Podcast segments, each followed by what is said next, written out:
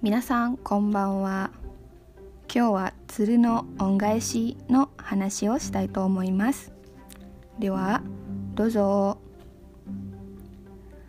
昔ある里に一人暮らしの若者があってな。親もなければ畑もない。人に使われて山の木を切っていた。ある日のことだ。一羽の鶴が空から落ちてきた。見れば矢が羽に刺さっている。むごいことをする。若者はこんな美しい着物を痛めるやつもいるのかと腹が立った。そっと矢を抜いて空に放してやった。顔を見上げる若者を見下ろし鶴は飛んで消えた。若者は晴れ晴れと空を見上げていた。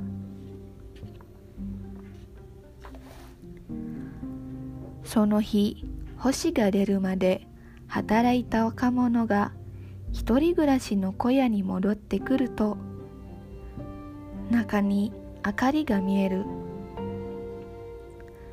誰もいないはずなのにとそっと覗くと見たこともないほど美しい女子がまるで姉様のようにせっせと飯作りをしていた。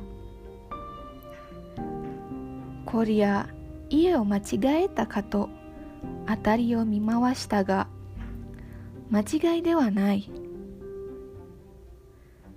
すると美しい姉様が戸を開け「おかえりなっせ」と迎えた「おら嫁さんもらったっけか?」若者はそんなとんちんかんなことを思わず考えたりして恐る恐る小屋に入った。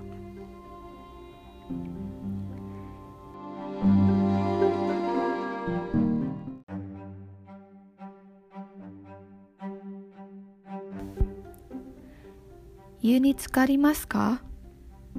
美しい姉様にそう言われて若者は夢の中にいるような気分で言うと言った。どこから来たとも聞かず言わずに二人は夫婦のように暮らした。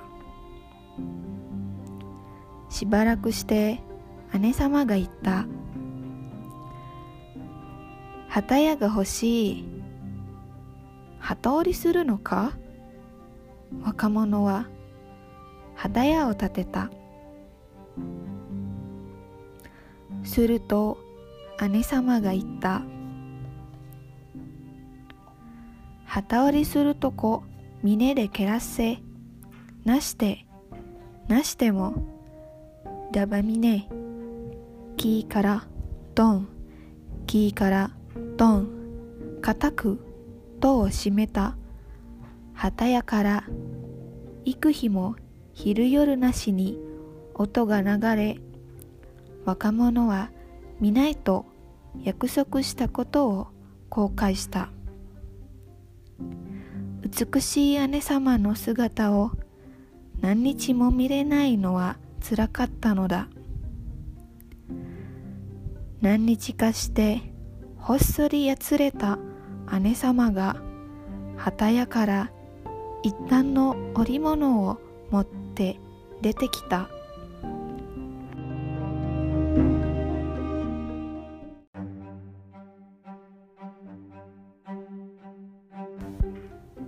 姉様に言われた通り若者がその反物を町へ持っていくとたまげるほどの値段で売れた。慌てて戻ってみると姉様はまだ旗屋にこもっていた。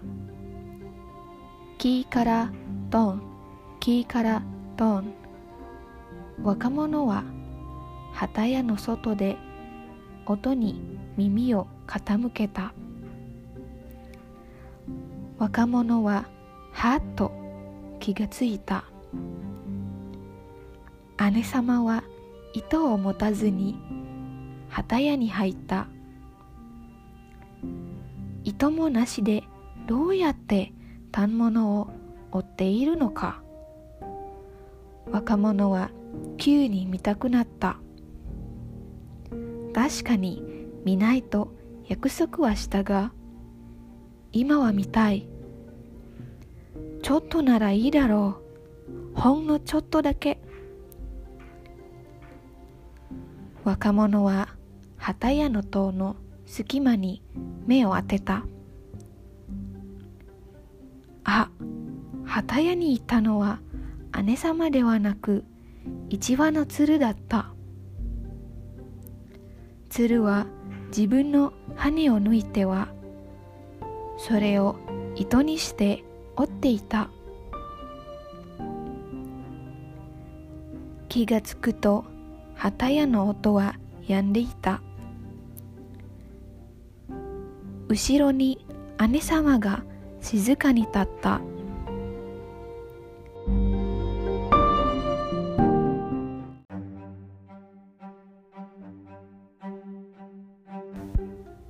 なしてみやした。約束しただに姉様は涙を浮かべていた。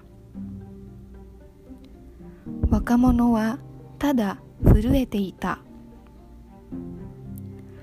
私はいつか兄様に助けられた鶴。恩返しに来やしたが本当の姿を見られてはいかねばなんねのせい。お名残惜しいどもいかねばなんねのせい。顔を姉様は鶴の姿に戻ると力なく空へと飛び立った。なして見てしまっただ若者は姉様恋しさに我が胸を叩いて悔やんだ。なして見てしまっただ悔やんでも悔やんでももう姉様には会えんのじゃった。どっと払い。